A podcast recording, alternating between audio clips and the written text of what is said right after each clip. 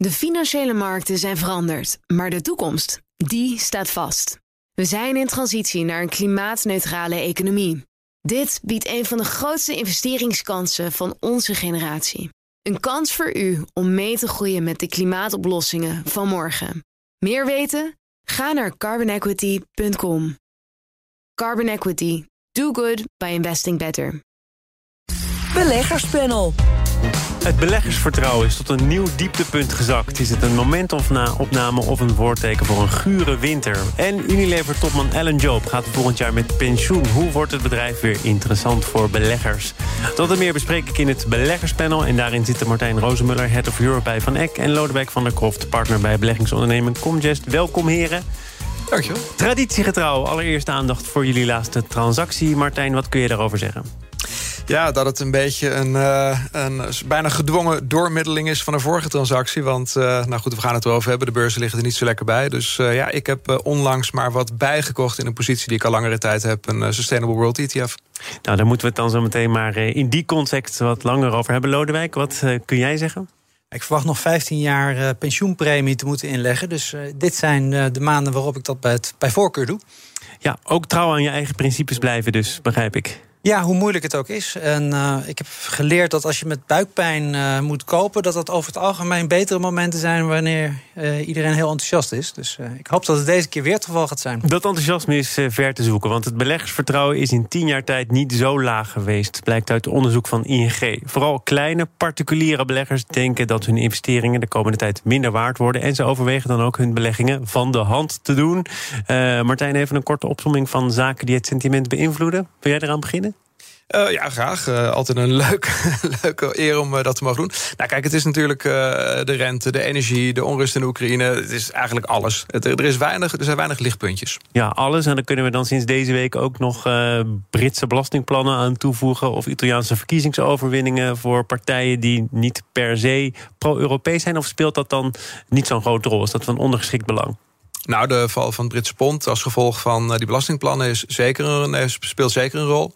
Italiaanse verkiezingen denk ik iets minder. Uh, laten, we dan, laten we dan toch eventjes uh, inzoomen op wat er in uh, Groot-Brittannië aan de hand is. belastingplannen, kort samengevat trickle-down economics. belastingverlagingen voor bedrijven en voor de rijkste Britten. Met de gedachte dat het uiteindelijk doordruppelt naar beneden... en de hele Britse economie daarvan zal profiteren. Leidt overigens wel tot een enorm begrotingstekort. En dan zie je het, het vertrouwen weg hebben, ook op de financiële markten. En dat zie je met name gebeuren bij het Britse pond. Nog even heel kort hoe dat dan werkt. Waarom gaat zo'n munt dan onderuit? Ja, wat er uiteindelijk gebeurt is dat mensen gewoon hun beleggingen uit, uh, uit Engeland weghalen. Hè? En, en uh, ja, dan worden er ponden verkocht en uh, dat geeft die druk op de pond. Ehm, er is gewoon heel weinig vertrouwen in ja, eigenlijk het beleid wat meneer Quasi, een interessante naam ook wellicht in, in dit kader, heeft bedacht. En of, die, of dat beleid ook echt vruchtig gaat afwerken, ja, dat, dat, werpen, dat betwijfelt iedereen. Dus vandaar die uittocht uit, uit Engeland en dus de daling van de pond. Ja, leidt echt tot uh, diepterecords uh, als je dat zo beziet, uh, Lodewijk. Um, had jij dat ook zien aankomen dan, de totale afstraffing van het pond? Nou, ik had eerlijk gezegd niet verwacht dat de Britten een dusdanig ander beleid zouden gaan voeren dan wat we in continentaal Europa doen. Daar waar we proberen om deze crisis met elkaar door te komen. En eigenlijk Europese overheden over elkaar heen struikelen om de minder bedeelden in de samenleving te helpen door deze energiecrisis. Zie je dat de Engelsen eigenlijk precies tegenovergestelde doen. Maar we hebben toch de campagne kunnen volgen... waarin ook wel dit soort ideeën enigszins aan de orde zijn nou, geweest? Nou, in deze mate denk ik dat de markt toch een beetje verrast door is. Want uh, dat verklaart ook waarom de, die valuta natuurlijk zo hard onderuit is gegaan... sinds de uh, uitvouwen van die plannen. Nou ja, en het feit dat het ook niet echt uh, in lijn is met uh, hoe uh, de Bank of England tot op heden beleid heeft gevoerd. Hè. Het lijkt eigenlijk alsof de politiek daar haaks op staat nu. Ja, het uh, beleid van de overheid staat uh, uh, op gespannen voet met de poging om de inflatie te beteugelen. En op het moment dat natuurlijk de, het Britse pond in waarde daalt, zal alles wat Britten moeten importeren zal duurder worden. Wat natuurlijk niet helpt als de Engelse centrale bank probeert om die inflatie te beteugelen. Wat moet de Bank of England nu doen? Want die zijn, ik geloof, gisteren met een officieel statement gekomen. Zij denken na over een interventie. Ze staan klaar om in te grijpen. Moet je op dit moment ingrijpen of niet? Nou, het probleem met ingrijpen, en dat hebben we afgelopen week ook gezien in Japan. En daar heeft de Japanse centrale bank heeft ook ingegrepen. Uh, kijk, die centrale banken die kunnen niet het verschil maken op die kapitaalmarkt, tenzij ze op het juiste moment zeg maar instappen. En dat dat net het draaipunt is waarin ook beleggers zeggen: Nou, misschien is nu iets te ver doorgeschoten. En op het moment dat dan de centrale bank in actie komt, dan zal hun marginale aankoopbeleid zal effect hebben. Als ze dat te vroeg doen, ja, dan is het water naar de zee dragen. En dan krijg je situaties zoals je in Turkije hebt gehad, waarin natuurlijk al jarenlang geprobeerd wordt om de valuta op te kopen. En dat lukt natuurlijk dan ook. Is dit te vroeg? Want uh, ja, dat is natuurlijk de million pounds kwestie voor wat het nog waard is? Ja, dat is, vind ik lastig te worden. Ik ben geen valutaspecialist. Um, maar we bevinden ons natuurlijk wel op dieptepunten die we lange tijd niet hebben gezien. Die dieptepunten, nog even terugkerend naar waar we mee begonnen... die zie je ook in het uh, beleggersvertrouwen. Lodewijk zegt, ja, dan moet je maar kopen met buikpijn... hoe tegen natuurlijk dat ook is. En toch zie je, ook uh, kijkende naar het onderzoek van ING... dat veel particuliere beleggers uh, overwegen om er een tijdje mee te stoppen. Ze hebben misschien toch ook het rapport van de Nederlandse Bank gezien. Ik geloof vorige week uitgekomen. In totaal bijna 7 miljard euro aan waarde verdampt ja, hoe streng moet je voor jezelf zijn en hoe, hoe overtuigd van het feit dat het wel weer een keertje beter wordt om toch te blijven zitten of misschien zelfs bij te kopen? Heel streng, ja, heel streng. Het is natuurlijk eigenlijk een heel dom idee om nu te besluiten niet te gaan beleggen, of erger nog, je beleggingen te gaan verkopen. toen je begon met beleggen, had je als het goed is een langetermijnplan. De langetermijnplan zou op zijn minst 10, 15 jaar uh, moeten duren. Ja, dan is dit niet het moment om je plannen opeens te gaan wijzigen. Ja, maar je zegt hier al wel wat zaken die ongetwijfeld waar zullen zijn. Als het goed is, had je een lange termijnplan. En we weten allemaal van de afgelopen jaren dat die beurs alleen nog maar omhoog leek te kunnen. En dat heel veel mensen juist daarom de sprong hebben gewaagd. En die worden nu misschien wel voor het eerst in hun nog korte, turbulente beleggerscarrière geconfronteerd met uh, tegenslag. Uh, dat vraagt dus iets van mensen. Ja, en ik hoop dat ze zich er misschien een klein beetje realiseren dat een uh, jaar of twee, tweeënhalf geleden toen we ook geconfronteerd werden met een enorme daling op de financiële markten. Eigenlijk relatief veel retailbeleggers zich eigenlijk wel uh, nou, goed gedroegen. Namelijk uh, door of te beginnen met beleggen of op dieptepunt uh, wat proberen te kopen. Ehm, ik hoop dat ze die ervaring ook meenemen. Er komt overigens voor de mensen die willen beginnen ook nog een, broker uh, aan in, in Nederland. Een Duitse broker. Groot interview met uh, de oprichter in het FD. Scalable heten ze. Uh, ook daarin komt natuurlijk de vraag voorbij: is dit dan het moment om je als broker te gaan profileren in Nederland? Want beleggers zijn wel eens enthousiaster geweest. is er überhaupt nog plek, denk jij, voor weer een broker, een online broker uit Duitsland? Nou, het is niet zo makkelijk geweest om een succesvolle broker te op te zetten in Nederland. Uh, de Giro is natuurlijk gekocht door Flatex. Uh, Bink heeft de nodige problemen als onderdeel van Saxo. En de gevestigde grote banken hebben natuurlijk toch eigenlijk ook best wel redelijke platforms ondertussen uitgebouwd. Echte handelaren gaan naar interactive brokers en, en dergelijke partijen. Dus er is niet heel veel te halen, denk ik, in de Nederlandse markt. De marges zijn heel erg laag. De investeringen die je moet doen zijn behoorlijk fors. Toezichtvereisten zijn zeker niet makkelijk. Daar kan de Giro over meepraten, denk ik. En ja, het probleem natuurlijk voor deze nieuwe partij is... ze hebben een vergunning moeten aanvragen. Dat kost altijd tijd. En dan zal je net zien dat je in die periode... dat de markten onderuit gaan. Dus hè, ik denk dat, als zij... Pech eigenlijk. Nou ja, de timing uh, komt misschien een beetje lullig uh, op dit moment uit... maar ik denk dat als zij gewoon voorzichtig uh, beginnen... dat het, het instapmoment in dit geval niet zo heel erg belangrijk is. Maar ik blijft dat... overeind dat het wel tamelijk vol is... als ik zo een beetje de antwoorden van, eh, van Lodewijk volg. Ja, de markt is inderdaad vol. Er zijn best wel wat, uh, wat spelers. Maar die richten zich over het algemeen toch wel op de actieve belegger. En wellicht heeft Scalable goed geluisterd naar wat de AFM... Uh, eh, maand of twee geleden naar buiten bracht. Namelijk dat in Nederland er nog best veel gezinshuishoudens zijn... die zouden kunnen beleggen, maar dat niet doen. Uh, om een aantal redenen. Hè. Wellicht omdat ze beleggen te eng of te spannend vinden... of omdat ze bij de uh, bekende aanbieders door de bomen het bos niet zien. Wellicht dat Scalable zich meer op die hoek richt. Hè. Mensen die een eenvoudige gemaksoplossing zoeken. En ja, dan kan je misschien ook maar beter op een heel slecht moment beginnen. Hè, want op het moment dat je die mensen op deze niveaus klant laat worden... dan zijn ze wellicht over één of twee jaar erg tevreden. Wel interessant overigens wat die topman zegt over uh, beleggende jongeren. Want dat wordt vaak in één adem genoemd. Hè? Online brokers. Nou, je bent voortdurend uh, bezig en het is ook hartstikke makkelijk. Het zit zo onder de knop. Maar deze topman zegt, uh, die beleggende jongeren... nou, die doen eigenlijk helemaal niet zoveel. Het zijn vaak indexbeleggers. Het is vooral de 60-plusser met heel veel tijd... die voortdurend aan het handelen is. denken jullie er ook zo over? Gedeeltelijk wel. Ik denk dat je wel een beetje onderscheid moet maken. Hè. Zeker één, twee jaar geleden, toen uh, ook de meme-stocks uh, hoogtijdagen vierden... toen waren er ook best veel jongeren die daarbij betrokken waren. Uh, maar als je wat, wat verder uitzoomt, over de afgelopen tien jaar... zie je toch zeker ook een bepaalde groep, 50, 60 plus... grijze mannen over het algemeen, die inderdaad met wat extra tijd... en het idee dat ze het spelletje goed begrijpen... misschien wel meer handelen dan goed voor ze is. Of die resultaten ook zo geweldig zijn, kun je je afvragen. Er zijn overigens onderzoeken naar gedaan. Het antwoord is, kleine spoiler, nee. Dus uh, ja, het is inderdaad leuk om te lezen dat Scalable ook ziet... dat de jongeren eigenlijk meer discipline hebben dan wij misschien zouden denken. We gaan naar de resultaten van Unilever de afgelopen jaren. BNR Nieuwsradio. Zaken doen. Thomas van Zeil. De gast is het beleggerspanel en daarin zitten Martijn Rozenmuller en Lodewijk van der Kroft. En Unilever maakte eerder deze week bekend dat topman Ellen Job volgend jaar met pensioen gaat. Terwijl hij de pensioengerechtigde leeftijd Lodewijk nog niet bepaald heeft bereikt en ook nog niet zo heel erg lang CEO was, namelijk een jaar of drie. Waarom denk je dat hij vertrekt? Nou, er zijn denk ik. Uh, de belangrijkste oorzaak is dat er behoorlijk gerommeld wordt aan de deur bij Unilever. Unilever heeft in een poging om een vlucht naar voren te maken. Uh, niet zo heel lang geleden uh, gemeend dat ze een bod zouden moeten uitbrengen op activiteiten van GlaxoSmithKline. Tampesta, de Tampesta, uh, de consumentenafdeling zeg maar, van dit farmaciebedrijf. Nou, de, vonden, beleggers vonden dat een heel slecht idee, want ze waren bereid om uh, een prijs te betalen van, uh, nou wat is het, 50 miljard pond. Nou is het pond wat gedaald sinds die tijd, maar 50 miljard pond, dat werd gezien als heel veel geld.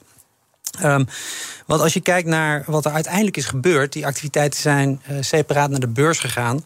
En die uh, kan je op dit moment kopen voor 30 miljard pond, uh, exclusief de, de schulden. Dus dan is misschien 40, pond, 40 miljard pond op dit moment waard. Um, wat heel veel beleggers sterkte in uh, gedachte dat Unilever eigenlijk veel te veel wilde betalen voor die groei die ze zagen in die consumentendivisie van GlaxoSmithKline. Maar het is dus ook niet doorgegaan, hè? Het, is niet doorgegaan, het is teruggefloten. En het leidde ook tot het binnenkomen van Nelson Peltz. En Nelson Peltz uh, zal menig luisteraar niet heel veel zeggen, maar zijn dochter is getrouwd met een Beckham. En daar kent u misschien de naam Peltz wel van. Nelson Peltz is een hele activistische hedge fund manager. Heeft anderhalf procent van Unilever gekocht. Eh, via allerlei structuren. En heeft daarmee een plaats aan tafel bij de Raad van Commissarissen bedongen. En dat is de druk die waarschijnlijk ertoe heeft geleid dat Ellen Job besloten heeft om eind volgend jaar met pensioen te gaan. Maar er is ook wel het een en ander al veranderd en aangekondigd. Nog voordat deze aankondiging naar buiten kwam. Namelijk een grote schoonmaak. Er zijn de managers vertrokken. De organisatiestructuur moest anders, simpeler. Er moest meer worden ingezet op de snelgroeiende categorieën, zoals gezondheid en beauty. Uh, heeft Ellen Job dat toch ook niet voor een deel in gang gezet? Ik denk dat hij daar zeker bij betrokken is geweest. En het is natuurlijk ook wel jammer dat je dan uh, daar niet de vruchten van mag gaan plukken. Maar uh, ja, ik ben bang dat uh, de activistische aandeelhouder in dit geval vond dat het allemaal niet snel genoeg ging. En ja, wat meer snelheid wilde. Ja, of niet alleen de activistische aandeelhouder. Want het gaat natuurlijk ook over wat Unilever dan de afgelopen jaren heeft laten zien. En dat kun je dan afzetten tegenover concurrenten zoals Nestlé, Procter Gamble. Omzetontwikkeling, nou, dat beweegt zich nagenoeg horizontaal, zit weinig echt schot in. Um, dus het kan en moet misschien ook beter. Ja, ik denk als je inderdaad na drie, vier jaar uh, daar naar die resultaten kijkt, dan is het inderdaad niet goed gegaan. Hè? Of alles uh, nou ja, te wijten is aan het beleid en de strategie van Ellen Job, is een beetje de vraag. Het is iemand die al wel volgens mij meer dan 30 jaar in totaal bij Unilever werkt. Dus hij, hij weet hoe het kan gaan. En hij is ook ja, degene die. Het is ook een olietanker natuurlijk, Unilever. En ze hebben echt wel uh, activiteiten ondernomen om naar de kern terug te gaan. De theeproducten verkocht, de diepvriesproducten al langer geleden. Um, maar ja, de aandachtspannen van beleggers is niet heel erg uh, lang. En je ziet dat uh, dit soort hedge fund managers natuurlijk op korte termijn resultaat willen zien. En dat ook raden van commissarissen daar uh, ja, onder druk door komen te staan. als je kijkt naar de waardering van Unilever, dan ligt hij ook duidelijk onder dat van concurrenten. En dat maakt dat beleggers toch wel positief reageerden op het nieuws. Het aandeel ging 3,5% omhoog na dit bericht. Hoe moeilijk wordt het voor Unilever om alles wat duurder wordt ook door te rekenen aan klanten? Dat hebben ze gedaan. Hè? dat is nog relatief goed verlopen. Maar er is op het schap natuurlijk ook een flinke concurrentiestrijd gaande tussen Unilever, het A-merk, het dure A-merk, en het goedkopere huismerk. Ja, dan komen we eigenlijk weer terug op het eerste item van het beleggerspanel. Dat uh, het vertrouwen van die beleggers is niet zo hoog. Maar als je kijkt naar de werkloosheid in bijvoorbeeld Nederland, de rest van Europa, dan ligt die eigenlijk nog best heel erg laag. En zie je dat in de winkels je het nog niet echt merkt. Hè, dat, dat eh, dingen uh, niet meer verkocht worden. Eerste halfjaarcijfers bij de meeste bedrijven waren vrij goed. Ja, iedereen maakt zich zorgen om de toekomst. Maar je ziet het ook bij Unilever nog niet terug dat, dat er echt gedownscaled wordt. Wie moet, uh, ook een moeilijke vraag Martijn, maar ik kijk toch even naar jou, de opvolger worden van uh, deze Alan Job. Ik sprak er gisteren over met Marco Groot, ook lid van dit beleggerspanel. En die zei ja, het moet toch eerder het type Polman worden dan een kloon van deze Alan Job. Wat denk jij? Nou, daar ben ik het op zich mee eens. Hè. Polman was natuurlijk iemand met een hele duidelijke visie, uh, sterke strategische overtuigingen. En uh, overigens ook iemand die uiteindelijk natuurlijk het veld heeft geruimd ah, in ja, leven. Ja, ja, maar wel iemand die, die uh, ergens voor stond. En zeker qua nou ja, overtuiging op het gebied van duurzaamheid hè, had Polman natuurlijk een enorme voorbeeldfunctie. dat zal ja, de komende jaren belangrijk blijven. Er zijn ook activistische aandeelhouders geweest in het recente verleden die zich toch wel erg druk maakten over al dat uh, duurzame gebabbel van Unilever, hun woorden. Ja. Het ging over de duurzaamheid van, ik geloof, Helmens mayonaise. Nou, dames en heren, zei deze activistische belegger... het gaat hier gewoon over het smeren van een sandwich. Dus laten we alsjeblieft niet overal de hele wereld bij betrekken. Helemaal waar. Maar er zijn natuurlijk andere dossiers geweest, ook binnen Unilever, met uh, nou ja, laten we zeggen de palmolie en dingen die echt wel een, uh, een, een, impact hebben. Uh, en ik denk dat het op zich wel goed is dat je als bedrijf daar een hele duidelijke stelling in neemt. En dat je nu iemand aan het roer moet zetten. En nee, ik heb geen namen voor je helaas. Maar die wel ook dus inderdaad duidelijk stelling durft te nemen op, op een aantal dossiers. En ja, dat kan. kijk, die duidelijkheid, dat is waar beleggers naar op zoek zijn. Zijn beleggers ook op zoek en enthousiast geworden van Porsche? Dat is wel nodig, want eh, donderdag gaat Porsche naar de beurs. Uh, Lodewijk, aan jou de eer om even uit te leggen welk deel van Porsche er nu precies naar de beurs gaat en wie daar dan uiteindelijk ook nog over gaat. Ja, het is een heel complex uh, geheel waarbij Volkswagen Groep eigenlijk de, de linking pin is. Je moet je realiseren dat een aantal jaren geleden Porsche heeft geprobeerd om Volkswagen over te nemen. Dat is toen mislukt. En om dat, toen uh, ja, op te lossen, heeft Volkswagen Porsche overgenomen. En dat heeft ertoe geleid dat de familie achter Porsche en achter Volkswagen, die toevallig weer dezelfde familie zijn, uh, in een structuur met elkaar zitten die uh, met deze IPO het niet heel erg makkelijker maakt voor beleggers om het helemaal te doorgronden. Je hebt Porsche SE, dat is de houtstermaatschappij, die heeft een belang in Volkswagen AG. En Volkswagen AG heeft een belang in Porsche AG. En Porsche AG, dat is het onderdeel wat nu naar de beurs gaat. Dus als u inschrijft op aandelen Porsche, weet dan wel dat u absoluut geen zeggenschap koopt. U koopt alleen een economisch recht op deze activiteit. Want de zeggenschap blijft streng in handen van de familie achter Volkswagen en bij de nou, wat is het? Neder-Saxe overheid die 20% van de aandelen. Nou, er is dus ook niet heel veel ruimte om in te schrijven. Er is maar een heel klein plukje voor de particuliere belegger. 12,5% is uh, beschikbaar. Uh, de familie uh, achter dit hele, deze hele constructie koopt namelijk een belangrijk gedeelte van die aandelen ook weer zelf op. En dat financieren ze weer met dividend wat ze krijgen van Volkswagen. Dus het is een soort van balletje-balletje wat er plaatsvindt. maar beleggers zijn enthousiast. Ja, zijn beleggers enthousiast? Want ik heb ook al analyses eh, gelezen waaruit blijkt dat de premium uh, ja, extra die je hoopt binnen te halen met deze beursgang toch wat achterwege blijft. Koen Bender zei een uur geleden in dit programma: eh, een Porsche is nog altijd geen Ferrari. Je hebt luxe merken en luxe merken. Voor één Ferrari koop je nog altijd 30 Porsches. Lijkt me een beetje overdreven. Maar is het enthousiasme er? Nou, het enthousiasme is er denk ik wel. Ook uh, vanwege het feit dat ze deze beursgang doorzetten. Normaal gesproken zie je dat in dit soort slechte periodes een beursgang heel makkelijk wordt afgeblazen. Als men bang is dat hij niet doorgaat. In dit geval zijn ze daar blijkbaar niet bang voor. Dus hebben ze veel commitment. Um, uh, Koen heeft overigens wel gelijk. Hè. Een Porsche is inderdaad geen Ferrari. Ferrari was het, het, het, schoolboekvoorbeeld misschien wel van hoe je met een mooi, goed merk een beursgang kunt doen. Dat heeft Fiat een paar jaar geleden gedaan. Um, maar Porsche loopt er ook weer niet zo heel veel op achter. En wat misschien wel interessant is, is dat Porsche veel verder is dan Ferrari als het gaat om elektrificatie. Uh, en dat Ferrari eigenlijk stiekem een beetje uh, jaloers naar Porsche. En Ferrari is er wel mee bezig, maar ik begrijp dat dat uh, tot gefronste wenkbrauwen leidt. Want van sommige zaken moet je afblijven. Een geëlektrificeerde Ferrari is ja, voor heel veel mensen toch nog een stap te ver. Maar het leuke is dat ze dat over Porsche ook zeiden. Toen, voor, toen Porsche met een SUV wilde komen, zei iedereen van: oh jij, dat is de doodsteek van het merk. Want nu neemt niemand meer de 911 serieus. Maar Porsche is er succesvoller dan ooit door geworden. Dus vandaar dat Ferrari misschien ook al stiekem kijkt: van kunnen we dat trucje herhalen? Ja, de koers-winstverhouding van Ferrari is uh, 33 keer. En voor een gemiddeld uh, automobielbedrijf wordt uh, 5, 6 keer uh, de winst betaald.